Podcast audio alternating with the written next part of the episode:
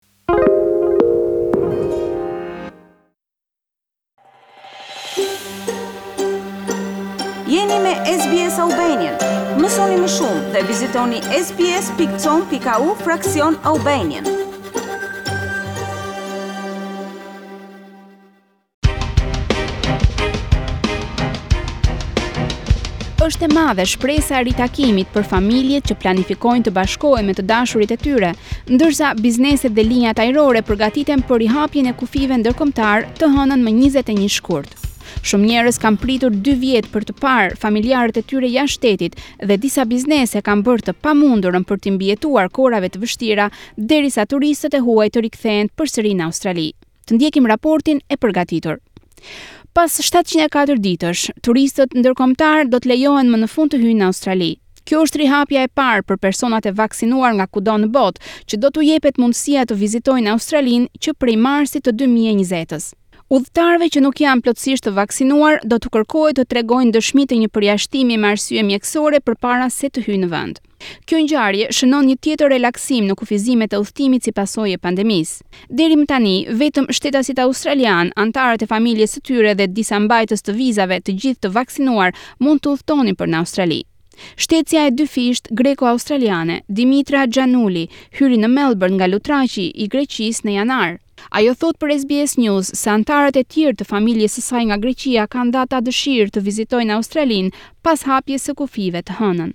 Pas dy vitesh të ndarë, Dimitra ishte e përmallur për të takuar mbesën e saj Elenën dhe vajzën e vogël të Elenës Artemisën, e cila lindi në tetor të vitit të kaluar. Motra e Dimitrës dhe nëna e Elenës, Ende nuk ka mundur të vijë për vizitë, por ka shpresë të vijë pas rihapjes së kufirit të hënën.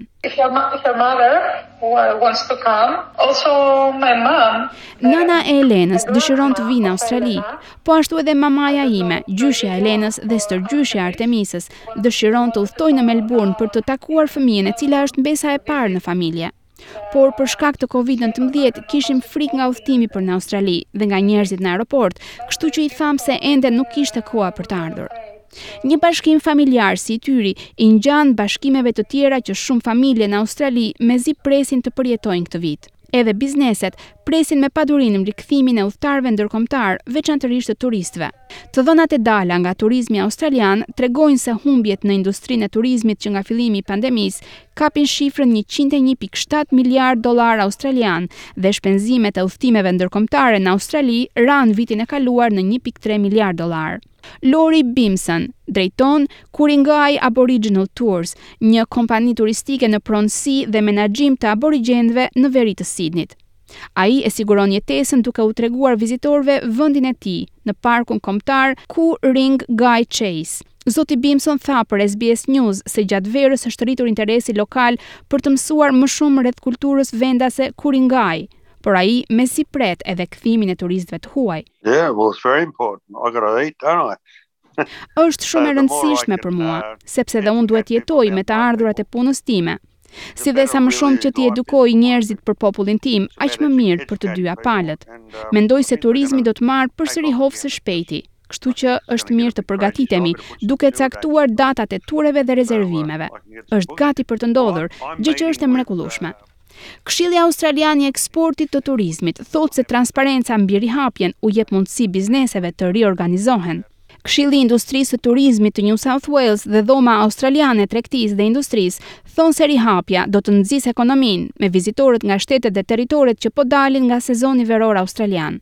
Këshilli i Biznesit i Australisë thotë se rihapja i jep fund të ashtëquajturës Kështjella Australi, por e përshkruan izolimin e vazhdueshëm të vetë-imponuar të Australisë Perëndimore si një plagë për reputacionin ndërkombëtar të Australisë. Ndërsa zoti Bimson thotë se e pret me kënaqësi ardhjen e vizitorëve të rinj dhe kureshtarë që duan të mësojnë më shumë nëpër turet e tij. I can show people plants and stuff we can eat, stuff we can use for all the medicines and Mund t'u tregoj njerëzve bimë të llojeve të ndryshme, që janë ushqim, por edhe ilaçe për vendasit. Pemë me përdorim të veçantë. Si i lexojmë ne pyjet australiane dhe mësimet që marrim prej tyre gjatë gjithë stinëve të vitit. Mund të mësoj edhe si ta hedhësh një bumerang, njëlloj siç ma ka lënë trashëgim gjyshi dhe stërgjyshi im në Sidni, që para dyqind e dyzet vjetësh. Të dhënat e reja nga banka Westpac tregojnë se pritet të ketë rritje për bizneset e vogla, pasi deri tani kanë vuajtur nga problemet me zinxhirin e furnizimit. Një e treta e bizneseve të vogla, rreth tridhjetë e katër për qind të tyre, pret përmirësime në mungesat dhe vonesat e produkteve.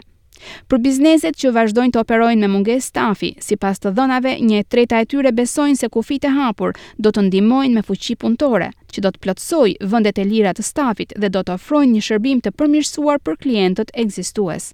Edhe të dhënat e reja nga faqja globale e udhëtimeve Skyscanner tregojnë se rezervimet për udhëtimet hyrëse në Australi janë rritur me tridhjetë e pesë për qind në krahasim me dhjetorin, me udhëtarët që planifikojnë të vijnë nga India, Anglia, Koreja e Jugut, Gjermania dhe Shtetet e Bashkuara.